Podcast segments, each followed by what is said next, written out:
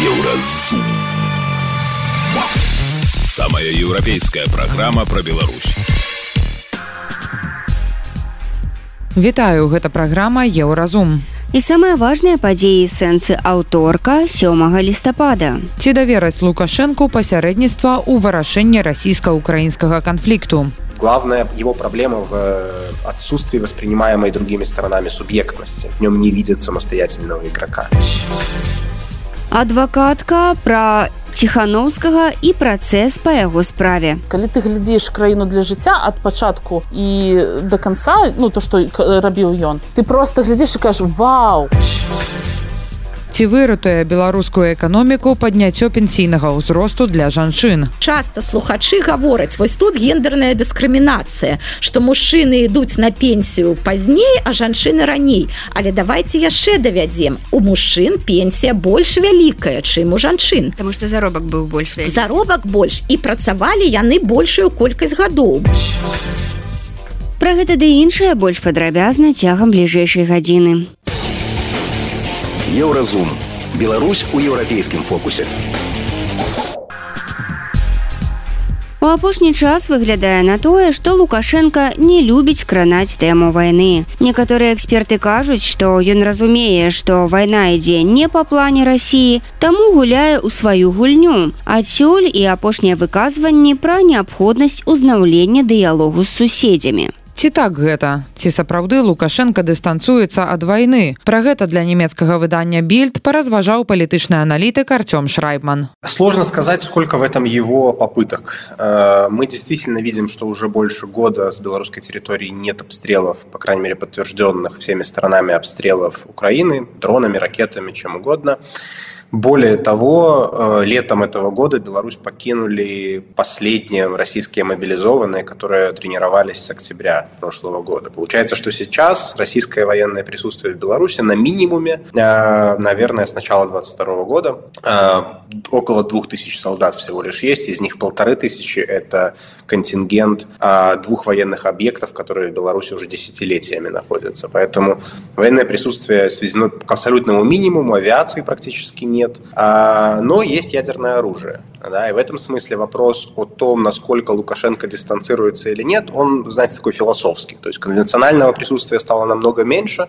но наличие ядерного оружия, оно, мне кажется, вот эти вот такие военные клещи России а, с точки зрения контроля над Беларусью и удержания Беларуси в своей военной орбите, оно делает намного более э, прочным и долгосрочным в каком-то смысле. Да? Поэтому, наверное, в тактическом смысле для Украины Беларусь сегодня представляет минимальную угрозу за все время э, с начала полномасштабной войны. Э, говорить про дистанцирование военное пока сложно. Это, это не то, что мы видим по ни по другим действиям, ни по риторике Лукашенко. Мне кажется, основной здесь фактор в том, что просто не нужно сейчас.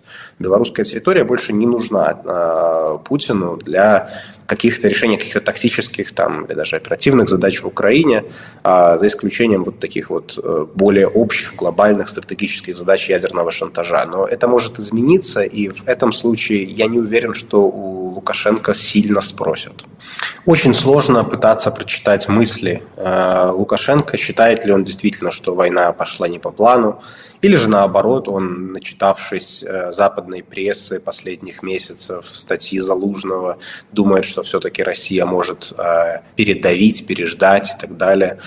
Лукашенко, я думаю, понял, что все идет не по плану примерно в первые недели войны. И дальше вел себя, ну, по сути, единственным доступным себе а, образом, э, без ввязывания по максимуму в войну, тем не менее полная поддержка всех остальных российских инициатив, потому что перечить России для него сейчас а, политически смертельно.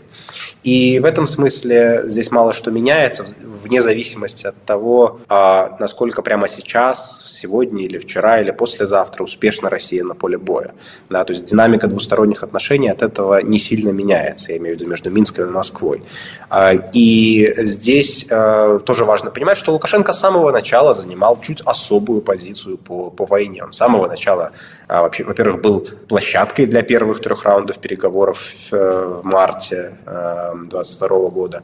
Он до сих пор повторяет то, что можно назвать такой китайской позицией, о том, что война должна закончиться прямо сейчас перемирием, э, зафиксируйте линии, отведите войска. То есть нет такого, что я болею за то, чтобы русские взяли Киев. То есть он, он действительно формально, да и реально выступает с чуть менее ястребиной позицией, чем Путин. И это, это, это, это тоже не меняется. И это было бы странно атрибутировать каким-то э, сиюминутным, конъюнктурным, там, военным э, тенденциям.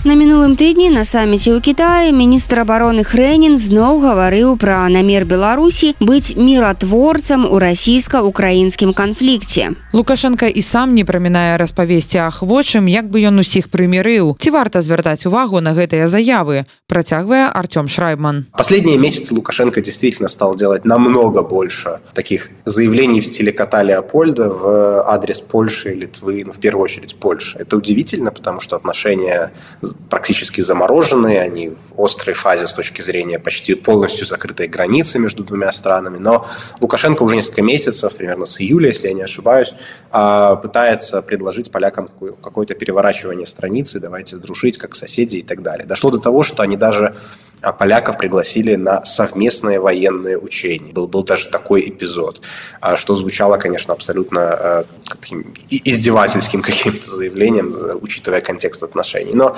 а, вот с точки зрения миротворчества, с точки зрения каких-то попыток его встроиться в переговорный процесс, это тоже звучит неизменно, но я думаю, что за последние там, полтора года уже можно было понять, что в тех условиях, в которых Беларусь оказалась, когда она стала, по сути, соучастницей войны на одной из ее сторон, выход из этого статуса э, будет требовать очень-очень серьезных усилий по тому, с чего, вы, чего мы начали, это дистанцирование от России. Пока этого не произойдет, пока в глазах Украины, пока в глазах Запада Беларусь будет оставаться сателлитом, о, каком, о каких переговорах может идти речь с участием Беларуси как какой-то нейтральной стороны? Просто здесь даже не, не вопрос не в том, что не доверяют Лукашенко, что он обманет или так далее, это как бы полбеды. А главная его проблема в э, отсутствии воспринимаемой другими сторонами субъектности. В нем не видят самостоятельного игрока. А многие его заявления трактуются через призму, а, а это он сам нам что-то говорит, или это его Путин попросил. И в такой ситуации быть посредником очень сложно, потому что посредник все-таки должен обладать своей субъектностью, своей автономией, которую признают все участники уравнения. Это мы даже не пришли на тот уровень, что, по сути, это сейчас запроса на какие-то переговоры э, и нет ни в одной из ключевых столиц. Адным з варыянтаў, як Лукашенко мог бы прыцягнуць да сябе ўвагу краін захаду, мог бы стаць гандаль палітвязнямі. Гэтае пытанне дакладна закранула еўрапейскіх палітыкаў, але Лукашенко на гэта не ідзе. Чаму? Вот что думая Артем Шрайбман. Очень сложный, хороший вопрос, потому что э, я думаю, что причин несколько. И главное из них заключается в том, что Лукашенко пока не видит э, предложения со стороны Евросоюза, которое бы его удовлетворило. А, отнош... Проблем в отношениях Минска и Запада столько, что лишь освобождение политзаключенных их не снимет. Запад не готов снимать какие-то значимые для Минска санкции в ответ лишь на освобождение какого-то числа политзаключенных. Наверное, если бы Лукашенко выпустил всех, я думаю, что какая-то часть санкций могла бы быть заморожена, да и то не факт, потому что это зависит от консенсуса, и условная там Литва могла бы сказать «нет, мы еще хотим, там, я не знаю, чтобы, допустим, там АЭС перестала работать возле Вильнюса, или Беларусь перестала там размещать у себя российское ядерное оружие. Но, но это был бы серьезный сигнал. Освобождение нескольких там десятков или даже сотен человек точно бы не пробило планку для снятия санкций. Лукашенко это понимает, а если ты это понимаешь, то зачем как бы избавляться от козырей, пока их никто не готов покупать? Что касается в целом более общего уровня этого вопроса, он состоит в том, что заинтересованность там совсем другая. Лукашенко уже не настолько заинтересован в отношениях с Западом, как э, 10 лет назад. И это то, что не всегда понимают э, на Западе, и не только на Западе, люди, которые проецируют автоматические отношения там, или какие-то правила в отношениях Минска и Запада последних там, десятилетий на сегодня. Сегодня белорусская экономика стала по факту придатком российской. Сегодня Беларусь стала российским военным округом. Для Лукашенко сегодня намного важнее не перейти каких-то красных линий для России, не напрячь, не раздражать, очевидно, Э, легко возбудимого Владимира Путина. И в такой ситуации какие-то тайные переговоры с Западом в надежде, что Запад сделает то, что он, скорее всего, не сделает, снимет санкции за, или там, частично снимет санкции за э, нескольких заложников – в этом просто, это просто опасно делать, если вы Лукашенко, да, и у вас под боком воюющая, воюющая страна, которая может с вами устроить все, что угодно. Поэтому просто сегодня для этого нет э, и, и субъективных, и объективных условий, к сожалению, потому что белорусские политзаключенные в этом смысле стали самыми главными заложниками вот этой, э, этой драмы, да, потому что Лукашенко уже недостаточное количество стимулов а возвращаться к тому торгу, который всегда присутствовал в отношениях э, Беларуси с Западом. Мы слухали палітычнага аналітыка Арцёма Шрайбмана. Ён патлумачыў, чаму Лукашенко не пачынае гандаль палітвязнямі і распавёў, ці возьмуць Лукашэнку ў міратворцы. Еўрарадыё кропка FM. Далей у праграме еўразум. Адвакатка пра ціханаўскага і працэс па яго справе. Калі ты глядзіш краіну для жыцця ад пачатку і да канца ну то што рабіў ён ты просто глядзіш і кажаш вау ці выратуе беларускую эканоміку падняццё пенсійнага ўзросту для жанчын. Часто слухачы гавораць вось тут гендерная дыскрымінацыя что мужчыны ідуць на пенсію пазней а жанчыны раней. Але давайте яшчэ давядзем. У мужчын пенсія больш вялікая чым у жанчын. Потому что заробак быў больш заробак больш і працавалі яны большую колькасць гадоў. Сустрэнемся пасля навінаў спорту. Еўразум Беларусь у еўрапейскім фокусе.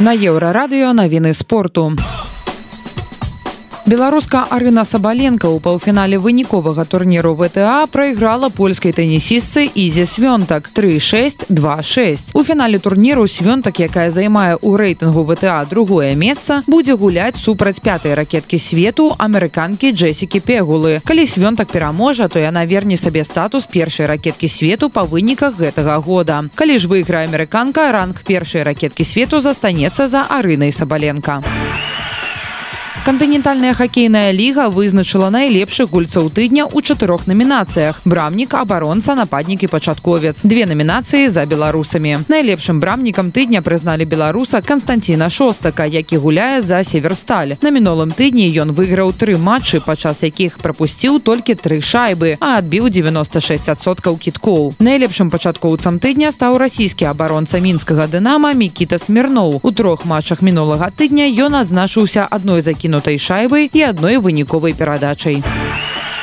футбольнага трэнера акадэміі сталічнага дынама артура мустыгіна за ўдзел у пратэстах асудзілі на тры гады хатняй хіміі. Яго справу разглядалі з першага лістапада. 37гадовы артур унук легендарнага футбаліста михаила мустыгіна які двойчы быў найлепшым бомбардзірам чэмпіянату ссср у 62 і 67 годах артур мустыгін працаваў у дынама з кампаніяй ю17 пасля яго затрымання сілавікі апублікавалі відэа у якім трэнер расказвае што адзін раз удзельнічаў удзельнічаў у мітынгу. Хадзіў па дарозе агульнага карыстання адпраўляў інфармацыю ў чат-бот дэструктыўнага канала. Гэта была цтата гэта былі навіны спорту. Заставайцеся на еўрарадыё. Еўра радыё моц настрою. у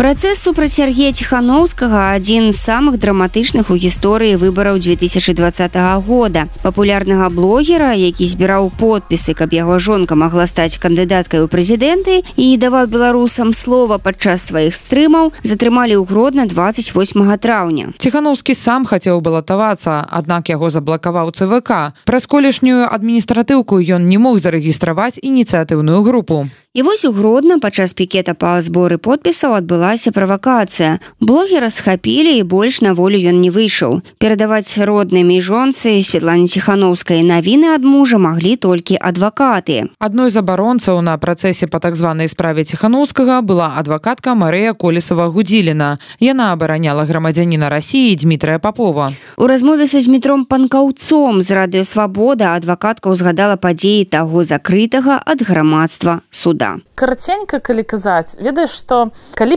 пачынаўся гэты працэс я ведала што гэта гістарычная справа. Я памятаю першы дзень калі мы шлі ў сеза таму што сам суд адбываўся ў сеза мы ішлі туды і я ведала што вось зараз тое што трэба запісаць у гісторыю.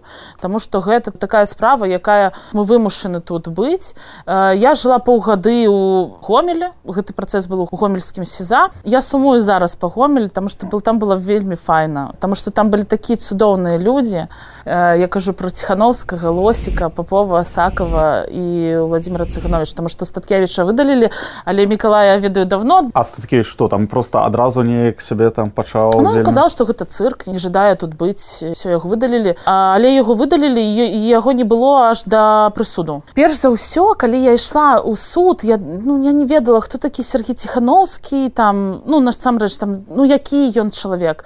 Але зараз гэта ён мне вельмі падабаецца. Вельмі падабаецца. Ён такой шчыры таленавіты.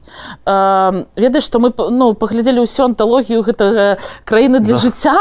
Ну не ўсю насамрэч не ўсю таму што суд калі б ўсё глядзелі вы зараз бы сядзелі ў тым судзе а, але ну паглядзелі анталогію гэтую гэта было так цікава э, шчыра ён так шчыра гэтай рэчы казаў. Э, ведаеш ну э, яны нас падтрымлівалі перш за ўсё. Падтрымлівалі ўсе гэта было вельмі цяжка але так оно і ёсць. Даже ігр лосік э, э, час ад часу прыносіў нейкую там нешта вы там у сам белкі. Ха-ха-ха там то-то ха-ха-ха там нешта такое цікавае там вычытае і і кажа нам. Ну там мы чакалі некаторыя там навіны якія адбываліся так. Там Дмітрый папоў увогуле ён яму далі 16 гадоў ведаеш за што? За то што ён прынес пауэрбэнк ціхановскаму аднойчы на стрыме ну напэўна што утрыруеш не не не так і ёсць. Ён не быў знаёмы з ціхановскім але э, так здарылася што яго палічылі гэтым расійскім следам. Э, сумесна са шкляравым э, і вагнераўцамі але вагнераўцы і шкляраў не ў турме дзіма папоў э, у турме. А ведаеш э, чаму яго затрымалі? Гэта вельмі цікава тому что быў такі владислав пазнякоў ён па тэлефанаў КДБ па тэлефону тэлефанаваў у КДБ і казаў у вас там Дмітрый папоў ён там дапамагае ціхановскаму і гэтак далей. І гэты дыск быў прыложаны да справы. Да хто гэты чалавек владислав пазнікоў гэта такой актывіст мужчынскае государство ў рассеі зараз жыве не ведаю то то ли ў грузіі то ли недзе ў іншым месцы. Але ён патэлефанаваў гэтай гэтае аўдыо там ёсць ён аб гэтым пісаў у соцсетках что ведаеце чаму Дмітрый папоў сядзіць? Таму что я патэлефанаваў аб гэтым там і расказаў. Ну Дзіма папоў такі хлопчык з рассеі які э, увогуле у яго нікога няма. Ён распавядаў яго ёсць такой тэлеграм-канал стейтру э, і там пісьма пісьма некаторыя яго публікуюць э, гісторыя як, як памерла яго маці і гісторыя про то як яго маці перш за ўсё э, пакінула ў радзільні а потым за ім зве вярнулася гэта вельмі вельмі такой цікавы э, хлопчык ведаеш што у ім ёсць усё. Ён казаў ён па шчырасці казаў лепш за ўсіх кожны дзень калі пачынаўся працэс ён пачынаўся з адвода суддзі суду. Кожны раз розны чалавек рабіў ці як? кожны раз э, кожны рабіў кожны раз кожны рабіў. Э, так э, кожны рабіў і ён увесь час э, абіраў нейкія такія фармулёўкі відыш э, розныя розныя. І калі ты ну калі ён усё казаў як там павінна там э, на пакт ён казаў на дэкларацыю канстытуцыю гэтак далей. Усё што патрэбна было стаць сказаць я падтрымліваю так гэта такой такая справа якая вось я буду распавядаць гэта сваім дзецям ну, про ціхановска расскажы крышачку ты вот сказал что ён, что ён вельмі шчыры быў так. бы, але ну вот трошки вот падрабязней вот як як ён себе праявіў ведаеш что ён ну увогуле ён вельмі шчыра казаў калі пачынаўся працэс мы глядзелі там ён там казаў некаторыя рэчы пра, пра сваю дзейнасць увогуле у кан напрыканцы калі ён выступаў гэта было вельмі шчыра але калі ты паглядзіш ему не патрэбна было увогуле нешта казаць. Калі ты глядзіш краіну для жыцця ад пачатку і до конца ну то што рабіў ён ты просто глядзіш і кажаш вау вау да? Як я гэта пропусціла як так здарылася я гэта не бачыла. Я лічыла што гэта ну што гэта такое ну, нецікавае? ну, ну. але вось э, потым калі ён там распавядаў э, калі ён адказваў э, калі ён звяртаўся калі ён там пісаў ты ведаеш што э, калі яшчэ былі там пісьмы пісьма з турмы у него у яго был э, канал э, турма для жыцця э, вось і вось гэта такое вось ведаеш такія маленькія э, маленькія гісторыі пра яго яны вот такую усклаліся ў такую кар э, карціну для мяне такого шчырава таленавітого чалавека ведаеш некаторыя кажуць што во сціхановскі такі ж як лукашенко не не не не. Ён вельмі шчыры і ты ведаеш што ён пісаў э, заявы некалькі разоў каб да яго бацюшка прыйшоў. Э, але яму не дазвалялі ўвесь час. Э, ну і усім дазвалялі ну усім у сеза апроч гэтых э, э, але яму не дазвалялі. А ён такой ведаеш ну э, мне вельмі падабаюцца адносіны з яго жонкаю яго. Яны такія знаеш э, нардычнага тыпу. Э, Таму што яны такія спакойныя не эмацыйныя такія рэчы але калі гэта так вот вот спакойна і прыгожа калі ты прыгожа кажаш так так не зразумела э, і гэта такія сябры партнёры як гэта казаць яшчэ? Ну вось таму гэта заслугоўвае павагі я лічу. а Як адбываюцца сустрэчы адвакатаў з падабароннымі ў сеза. Па законе ніхто не мае права падслухоўваць іх размовы, але як мы памятаем, у Беларусі даўно не да законаў. Працягвае Марыя колесава гудзіліна. Калі мы кажам, напрыклад, валадарка, то гэта такое без вокон, круто калі у, у, у цябе там ёсць толькі стол і і ўсё а так увесь час ты сустракаешься праз такую пластикавую альбо іншую нейкую такую перагародку так так. Ой па шчырасці я зараз я не ведаю як. Ведаеш я ўжо больш за год не як не адвакат як яны зараз там эту інфармацыю перадаюць так я мяркую что хутчэй за ўсё яны прыкладаюць такую лісток паперачку каб паглядзець так рабіла я. Але гэта не ну яны могуць здымаць гэта з усіх бакоў і я гэта ведала увесь час что яны слухаюць ты можешь там калі так такая пластикавая ведаеш штука ты можешь там то толькі араць. Альбо паперку прыкладаць Вось гэта гэта парушэнне так так так так. Таму што няма тайны няма ніякай не, ну ведаеш што парушэнне ўвогуле як гэта адбываецца у якіх умовах сустракаюцца следчыя і у якіх умовах сустракаюцца адвакаты потому что у следчых вокна ёсць напрыклад ведаеш што калі ты там на допыт прыходзіш там э, твой э, падабаронены у сеза ты прыходзіш у э, кабінет дзе ёсць в акно следчай дабаронены ты і тут падабронь можна я пагляжу в акно там такое вось вялікае акно і можна паглядзець что там адбываецца паглядзець на вуліцу напрыклад калі мы кажам гэта пра валадарку ты глядзіш ну з другого боку вось так вот на технобанк вось так вот ну там.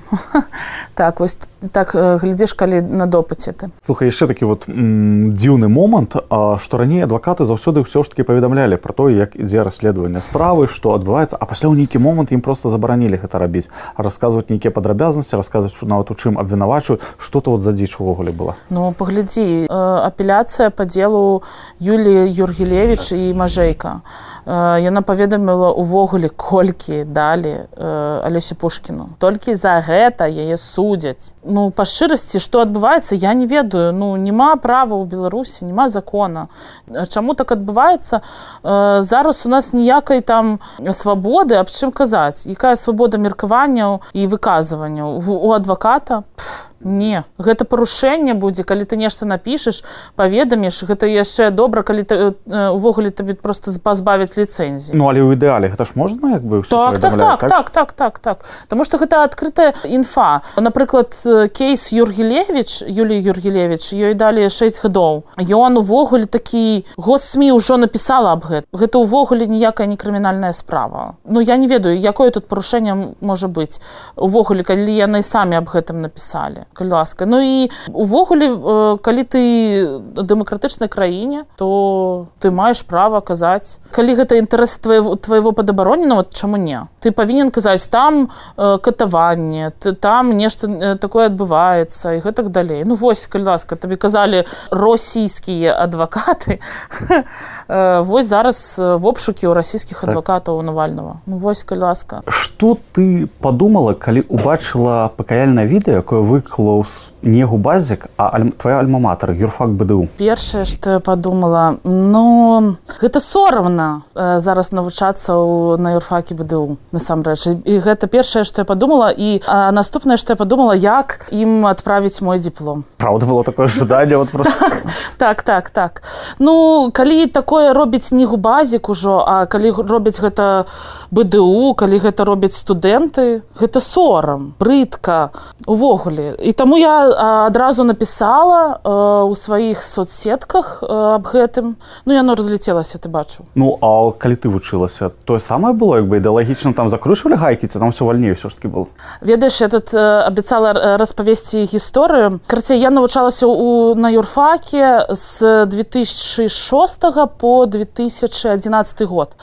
І у 2006 годзе калі я уже дакументы занесла на юрфак мы з маімі сябрамі з маладого фронту поехали у летнік под менском. І там нас накрылі менты. І было такое шикарное відэа я тебе дашлю больше ставіць у свой відос я памятаю это вядомая гісторыя так так там по сякерамі не так, сякерамі ну з лопатай там или не не ведаеш ну, общем сякерамі пусть так будзе там ёсць валер мацкевич Іван шыла зміцер хвідарук напрыклад вось на гэтым відео відэа. І там кажуць што мы такія ж як у наунсо. Але гэта відэо з'явілася і мяне не адлічылі. Я навучалася 5 год у на юрфаке вось табе адказ як было калі я вучылась. У нас былі выкладчыкі якія бчб цяжкі насілі у сябе. Так было. Ну а увогуле ў 2010 годзе юрфак бДУ побач з месяца раз зараз месяца побач з плошчай. Ну і ведаеш куды пашлі все студэнты. Домой поехали Гэта была адвакатка і юрыстка Марыя колесава гудзіліна. Яна распавяла пра тое, якім быў юрфак БДУ ў 2010 годзе, як адбываецца сустрэча адвакату з падабароннымі ў сеза і што было на судзе над Сергеем Ціхановскім. Еўрарадыё. Твая улюбёная хваля. Далей у праграме еўразум. Ці выратуе беларускую эканоміку падняццё пенсійнага ўзросту для жанчын. Часта слухачы гавораць вось тут гендерная дыскрымінацыя, што мужчыны ідуць на пенсію пазней, а жанчыны раней. Але давайте яшчэ давядзем. У мужчын пенсія больш вялікая, чым у жанчын. Таму што заробак быў больш. Заробак больш і працавалі яны большую колькасць гадоў. Сустрэнемся пасля навінаў шоу-бізу. Еўрарадыё. Твая улюбёная хваля. Шоу-біз.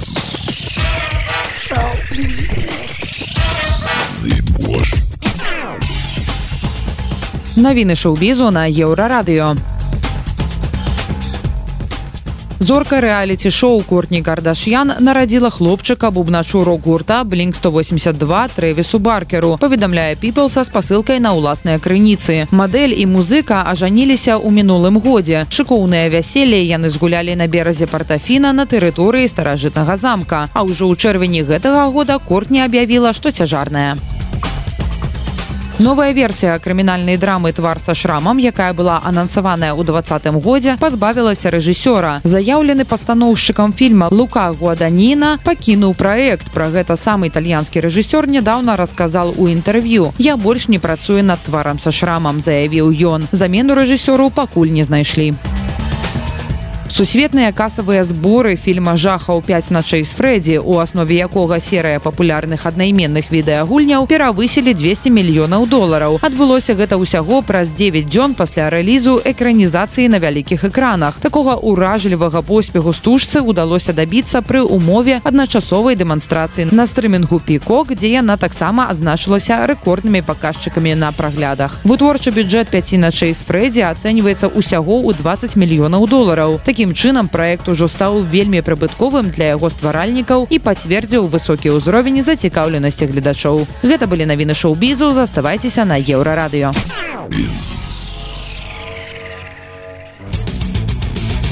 Еўразум. Жыві ў рытме Еўропы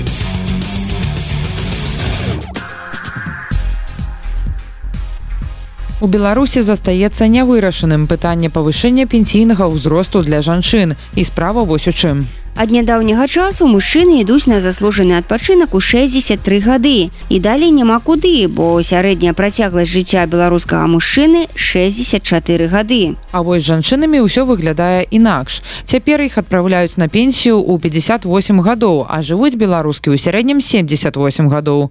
І ўсе гэтыя 20 гадоў у дзяржаве трэба недзе браць грошы на пенсію для жанчын. На фоне масавай эміграцыі і рэпрэсій у краіне назіраецца недахоп працоўных рук рук праз гэта ўсё менш выплат паступае ў фонд сацыяльнай абароны насельніцтва з якога і налічваюцца пенсіі. Дзе ў гэтым выпадку браць грошы на пенсіі жанчынам? Бізнес лічыць што праблема вырашыцца калі жанчыны будуць працаваць і ў 60 гадоў справядлівасць такой думкі ў эфіры еўрарадыо мы абмеркавалі з гендернай даследчыцай ірыны сідорскай тое што праблема пенсіі гэта вельмі такое вострае пытанне зараз і вельмі актуальнае. Я с вами цалкам згодная. І вось як бы ўсё што робіць дзяржава яна робіць такі ну палавіншатыя крокі. І і праз некалькі год ну я тут не эканамістка але усе эканамісты гавораць пра тое што нас як бы чакае ну вельмі вельмі вельмі такая вялікая праблема з гэтымі пенсіямі. І напрыклад там праз некалькі гадоў ну ўжо нікому не будзе там гэт, гэтых пенсій хапаць. А у мяне а, вось по гэтаму пытанню можа гэта амаль адзінае пытанне на, на якое я не магу сказаць трэба падвышаць альбо не трэба Таму что у мяне у мяне ёсць і за і супраць А глядзіце так на самой справе ёсць краіны у як у якіх ёсць розніца паміж пенсійным узростам для мужчыны жанчын і Беларусь адна з гэтых краін а ёсць краіны у якіх няма у якіх і мужчыны і жанчыны ўваходзе я бы ідуць на пенсію у аднолькавым узросце. Я думаю что тут трэба зыходзіць усё ж таки вось менавіта са спецыфікі гэтай краіны. Але глядзіце у Беларусі беларусі розніца паміж сярэдняй працягласцю жыцця мужчыны жанчын. Вось зараз вы агучылі гэтыя лічбы 14 год. Mm -hmm. гэта катастрофа. Гэта вось не, не тое что гэта вялікая розніца гэта катастрафічная розніца. І не тое что беларускія жанчыны жывуць вельмі шмат. Напрыклад у польскіх жанчын это 80 гадоў. Вось як бы побач з беларусю. А гэта показвае як мала жывуць беларускія мужчыны. Вось для беларускіх мужчын характэрная гэта гэта звышсмяротнасць там у, у некалькіх узроставых групах і гэта вельмі вялікая праблема. І так з ёй трэба штосьці рабіць.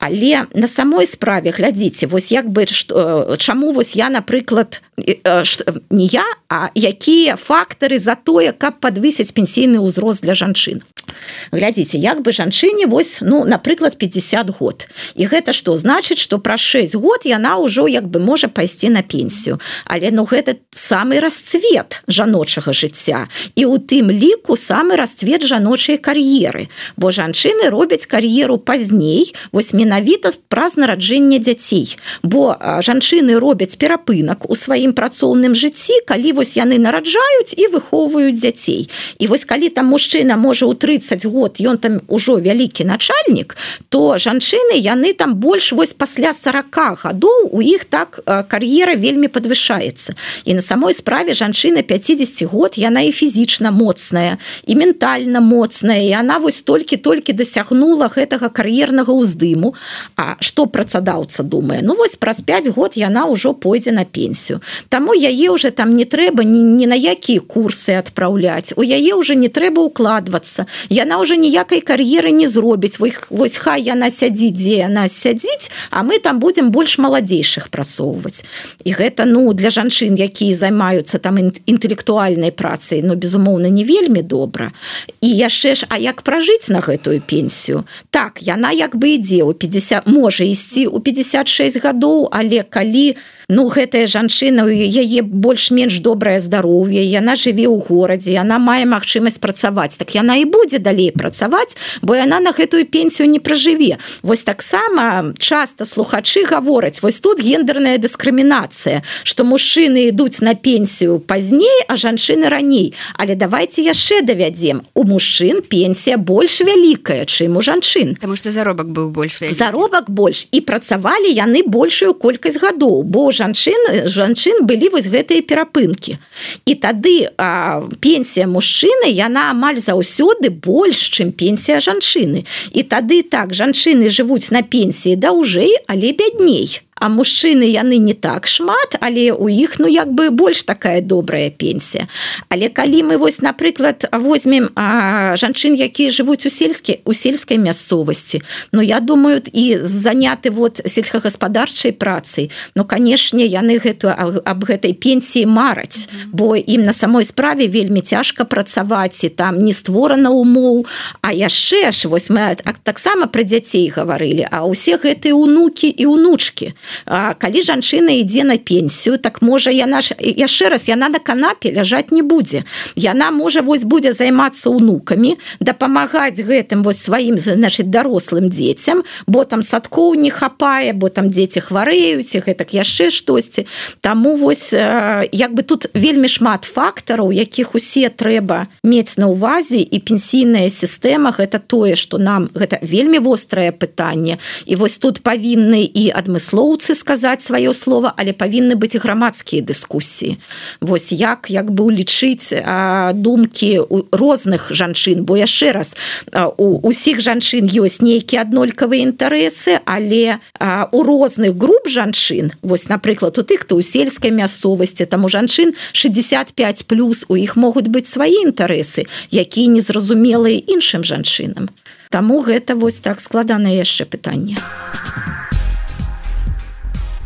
Працягваем размову з прафесаркай Ірынай сідорскай. Тут ёсць у нас каментар на гэтую тэму, што пенсійную рэформу з павышэння ўзросту не пачынаюць, а пачынаюць з правільных і справядлівых рашэнняў з выбара працаваць ці не. Так, канешне, канешне і ўсё ж таки я хочу сказаць, што напрыклад цяжарнасці роды гэта таксама уклад жанчын у дзяржаву у грамадства і гэта таксама трэба ўлічваць. Канешне, а цяпер жа это не ўлічваюць здаецца ну там у гэтых працоўных кніжках у працоўны у агульны стаж гэта ідзе але ў працоўных мне здаецца не не ідзе. І таму вось я вось гэта супраць фактор супраць таго каб мужчыны і жанчыны як бы у у аднолькавым узросце ішлі. Ну выглядае ўсё ж таки на тое что беларускі прынамсі гарадскія беларускі ўсё ж будуць выбіраць працаваць далей. Канешне канешне так яшчэ раз вось гэтай нобелевскай лаўрядкі про якую мы гаворым ёй 77 гадоў яна працуе ў гарвардзе выкладчыцы і у яе яшчэ вельмі шмат планаў. Яна можа яшчэ там нейкія адкрыцці зробіць. Ну і таксама вось гэты момант что там унукі і праўнукі так гэта ўсё ж такая яшчэ постсавецкая традыцыя больш что калі тут глядзець на еўрапейскіх вось жанчын якія на пенсіі то яны збольшага выбіраюць вандраваць. Ось падарожнічаць дарожнічаць так, так. сядзя сядзяць да. раніцай у кавярні з газетай просто чытаюць навіны п'юць каву.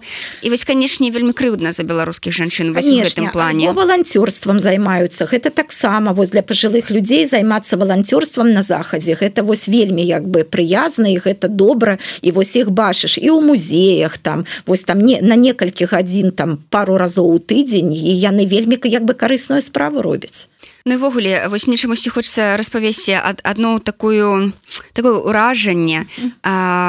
Маёй сяброўкі свякроў яна немка яна захварэла на рак ёй уже было магчыма там 85 гадоў прыкладна.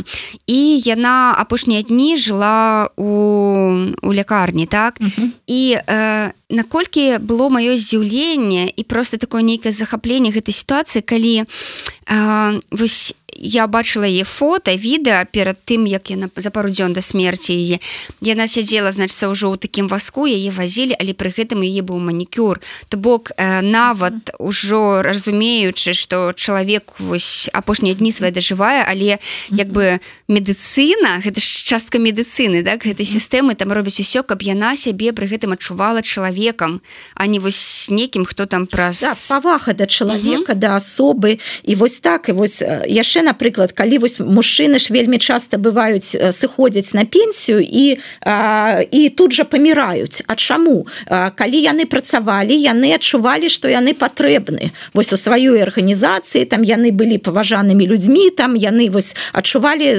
запатрабаванымі сябе. А вось яны сыходзяць яны не прывыклі ну напрыклад дапамагаць сваёй сям'і там не прывыклі глядзець за унукамі там у іх няма там вось гэтага валантэрства. І яны так тады за засяродства тады яны сосредоточваюцца на сваіх вось гэтых хваробах і так не бачыць сэнса у далейшым жыцці А вось вельмі важно вось калі калі калі ўсё ж таки пенсійны ўзрост будзе подвышаны а хутчэй за ўсё ён будзе подвышаны давайте покажем іншыя перспектывы перед людзьмі. Бо так ну на же А гэта пенсіянер альбо пенсіянерка Ну что з іх браць? Гэта ж ужо зусім такі састарэлыя людзі яны нічога не разумеюць яны там іх не нікуды не трэба запрашаць уключаць у гэтак далей. Вось нам тут усім трэба перастроіцца Ну так я думаю что гэта тычыцца і нават незалежных медыа Таму что я ведаю пра кейсы калі там чалавек якому напрыклад ужо гадоў 50 усяго толькі 50 шукае сабе працу а